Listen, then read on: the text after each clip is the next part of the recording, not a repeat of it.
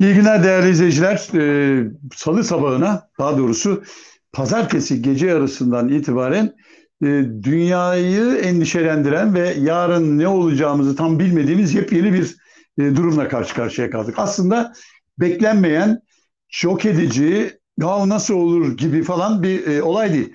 Bağıra bağıra geldi e, ve e, Rus askerleri dün gece itibariyle Ukrayna ile aralarında sorunlu olan bölge olan e, Donbas bölgesine barış gücü adı altında girdiler. Yani bu ülkelerin e, korunması. Şimdi ülkelerin diyorum Rusya'ya göre ülkeler ama e, Ukrayna'ya göre ise kendi bölgesi. Yani hani kendimizde çok kıyaslayacak olursak. Efendim işte Güneydoğu'da bir bölge, Doğu'da bir bölge. Hani ben sizden değilim, e, öbür tarafa daha yakınım hani e, bir milliyet ya da inanç e, sistemini bahane edip hani ben o tarafa daha yakınım ben ayrılmak istiyorum deyip e, bizim de merkezi otoritenin ya da işte hepimizin olmaz öyle şey orası Türkiye topraklarıdır kimseye bir karış vermeyiz falan. Şimdi aynısı orada yaşanıyor. Yani Donbas denilen bir bölge var. Burada iki kent var. iki bölge var bu Donbas'ın içinde. Biri Donetsk, öbürü de Luhansk. İki tane bölge. Şimdi bunlar ağırlıklı olarak zaten Ruslar yaşıyor ve diyorlar ki biz Ukrayna'da olmak istemiyoruz, ayrılmak istiyoruz. Ukrayna'nın merkezi otoritesi yani Ukrayna devleti bu kesimi terörist olarak şey yapıyor, e, algılıyor ve terörist diyor. Rusya ise diyor ki yani halkın niye kendi kaderini tayin etme hakkına karşı çıkıyorsun?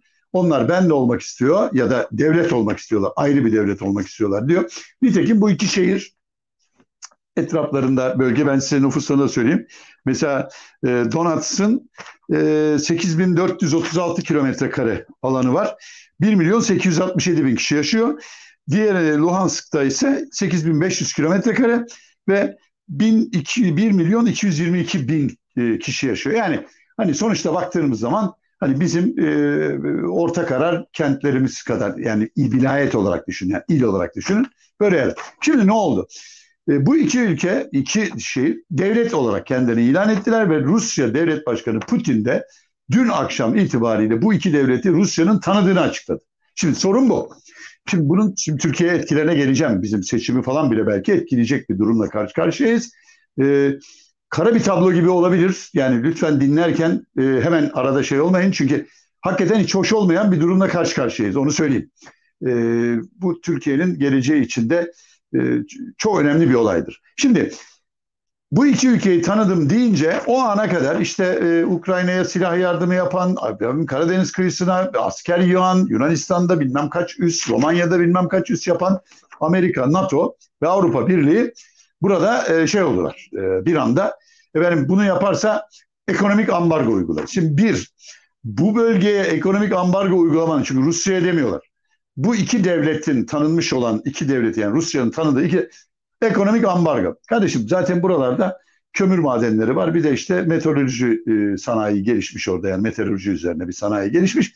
E, fakat 6-7 yıldır da tek çivi bile çakmamışlar. Yani bu bölgeye ambargo uygulamanın çok da aman aman bir şeyi yok. Şimdi bu tabii işte Biden attı tuttu falan ama yani sonuçta böyle NATO olarak işte biz gireriz müdahale ederiz falan dan ziyade Avrupa Birliği ve e, işte NATO e, ve dünya ülkelerini şeye çağırıyorlar. E, büyük bir ekonomik yaptırımlara. Hep herhalde Putin bunu düşünüyor değil mi? Yani dünyanın ikinci büyük askeri gücü, ekonomi olarak da dünyanın ikinci, üçüncü yani ilk beşi içinde olan Rusya böyle bir muameleyle karşı karşıya kalacağını herhalde biliyor, düşünüyor. Ona göre tedbirli almış. O bizim derdimiz. Şimdi bizim sıkıntımız ne? Şimdi bir kere dün akşam itibariyle Dışişleri Bakanlığı bir açıklama yaparak Rusya'nın bu iki küçücük devletçiyi tanıyorum demesini şiddetle kınadı. Yani Türkiye aslında bir anlamda tarafını belli etti. Başka da çaresi yok çünkü NATO ülkesiyiz. Yani burada NATO'ya rağmen Aa, biz burada Rusya'ya haklı görüyoruz deme şansı Türkiye'nin yok. Çünkü böyle bir kritik alanda e, ters tavır alması mümkün değil. Yani Tayyip Erdoğan istediği kadar şey yapsın biz dünya beşten büyük zat dur biz şuyuz buyuz falan. Bunlar olmayacak bir kere onu bilelim. Ancak Bakın sarayın başka bir konuda ufkunu açıverdi ve işte şimdi o kara senaryo diyeceğim. e, ya da kötü senaryo diyeceğim olayı anlatacağım. Çünkü bakın ben size Aralık ayında ilk söyledim ve dedim ki Tayyip Erdoğan baskın seçime hazırlanıyor. Hatta Şubat Ocak ayının 15 ile 20'si arasında bunu açıklayacak. Bütün veriler buna göreydi. Fakat hesap tutmadı bakın. Hesap tutmadı. Nerede? 22 Aralık gecesi o tuhaf bir operasyon yaptılar. Yurt dışından kolilerle, e, kargolarla para geldi. Bankalara dediler ki bunları 12 liradan satın alacaksınız. Bu arada AKP'nin bir takım böyle uyanık isimlerine yol verildi. Siz satabildiğiniz kadar 17-18 satın. Çünkü sabaha karşı biz size 12'den tekrar alma şansı vereceğiz diye. Büyük bir soygun yapıldı o gece. Ama bunu bir deha gibi sunuyorlar bize. Ha, şimdi diyeceksiniz ki bunu e kardeşim yani e, ekonomi öyle şey değil. Yani afaki değildir. Ekonomi rakamlara dayanır. Siz e, akşam 8 ile 7 ile 8 arası 18 liraya çıkan dolar 9,5'da 12 liraya düşmez. Düşer işte 30-40 milyar doları birden getirip e, sokarsanız kasalara ve bunu satın aldırırsanız ondan sonra tekrar yükselip satarsanız ha, o zaman düşmüş gibi olur. Onu defalarca anlattık. Şimdi beklenti ama şuydu. Yani bunu yaptık. E, o bakan falan çıkacak. Adamı bakan diye atamışlar. Adam diyor ki o gece diyor toplantıya diyor Tayyip Erdoğan'ın gelişinden ben anladım diyor. Müthiş bir şey açıklayacak. Lan bakan sensin. Yani esas senin açıklaman lazım. Haberi bile yokmuş gibi. Yani öyle bir geldi ki ama gördüm diyor. Hani o inişinden anladım ben diyor ne olacağını. Tamam. Açıklandı. Beklenti şuydu. 17-18 liraya kadar suni olarak çıkarılmış ve emme basma tulumba yöntemiyle muazzam bir soygun yapıldıktan sonra 9 lira, 8,5 9 lirada tutacağız. E zaten dolar 7-7,5 liraydı yani Eylül ayında. İşte aldı verdi aldı verdiyle arkadaşlar paraları kazandılar filan. Sonra bir patlattılar. Büyük bir e, şey oldu. Vurgun oldu. Ondan sonra da 8,5-9 arasında tutarız dediler fakat olmadı. Neden? Çok basit. Çünkü millet de uyanık kardeşim. 18 lira çıkmış bir e, dolar fiyatının böyle birdenbire 9 liraya çıkıp orada sabit kalacağına kimse inanmadığı için işte o 11 lira falan diye düşürdükleri gün herkes gitti kendi çapında dolar aldı. Bu sefer tutamadılar. Aynı şekilde şirketler de aynı numarayı yaptı. Hatta bir tanesinin çok büyük olduğunu biliyordunuz ama baktılar olmuyor. Yeniden paralar getirildi. Kargolar gitti geldi. 12-12,5 lirada şu anda tutuyorlar. İşte 13 oluyor, 14'te geliyor bir daha düşüyor ama oralarda tutuyor. Ama bu yetmiyor.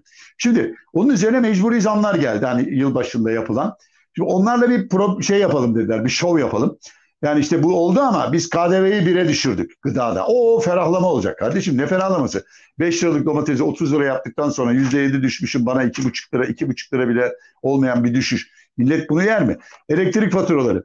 Yer bunu millet dediler. Çaktılar. Sonra büyük şey oldu. İndireceğiz dediler. Fakat şimdi de formülünü bulamıyorlar. Yine aynı şekilde bakın kaçıncı gündür saray medyasında hep şu haber başlıklı haberleri görüyoruz. Efendim elektrikteki ferahlatmada son aşamaya gelindi. İşte formüller masada plan yok. Neden? Çünkü elektrik işini verdikleri şirketler üzerinden muazzam bir gene vurgun olduğu için adamlar gitmişler 60 milyar doların üzerinde yurt dışından para almışlar. Ne o? Elektrik özelleştirildi dağıtım.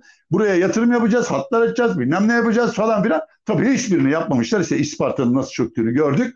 E şimdi bu zamları yapsam bile adamları kurtaramıyorsun. Bir de bunun üzerinden ben yarıya indireceğim falan hepsi palavra. Şimdi buradan da tostladılar.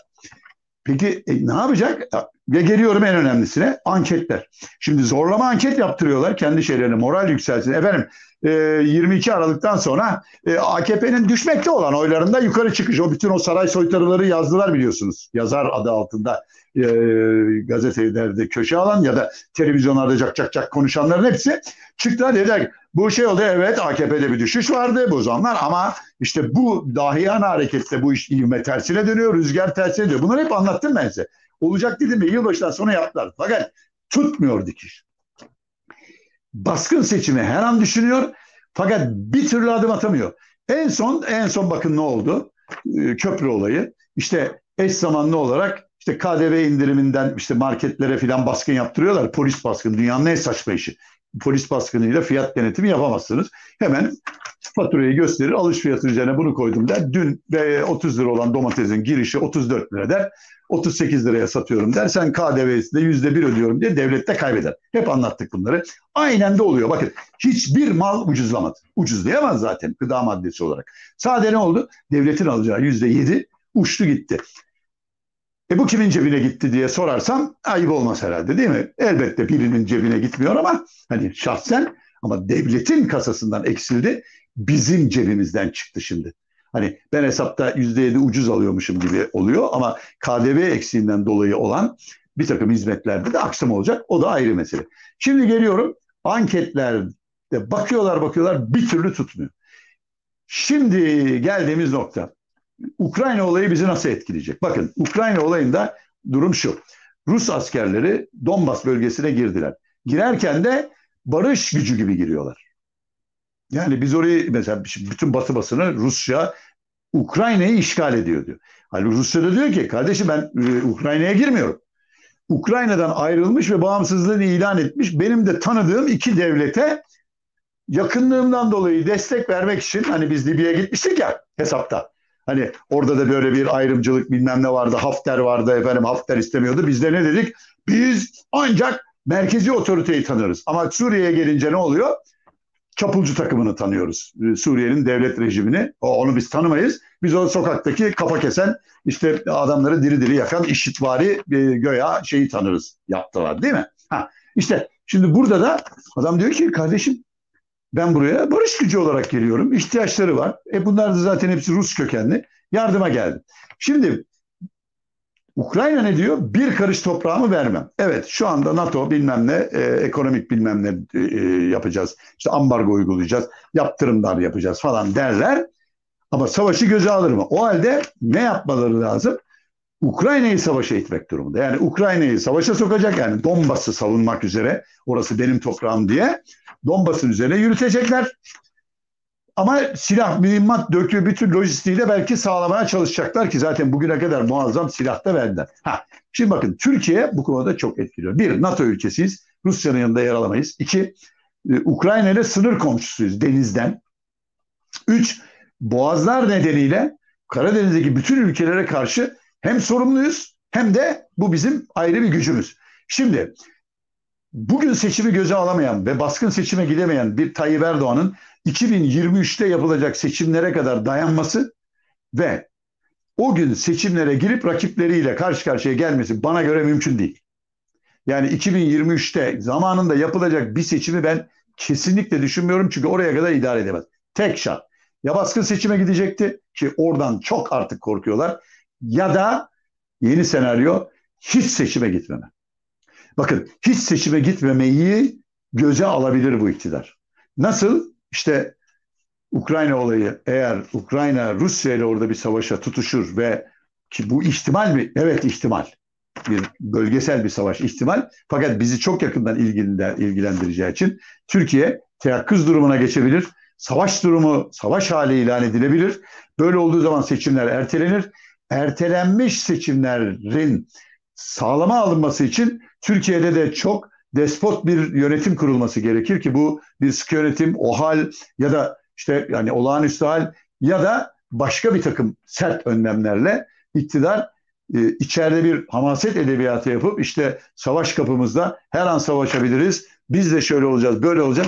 Taraftar da bulur mu? Bulur ve seçimleri baskın seçim, erken seçim derken olmamak üzere ileri atabilir bütün e, gözlediğim kadarıyla yapmak istedikleri de zaten bu.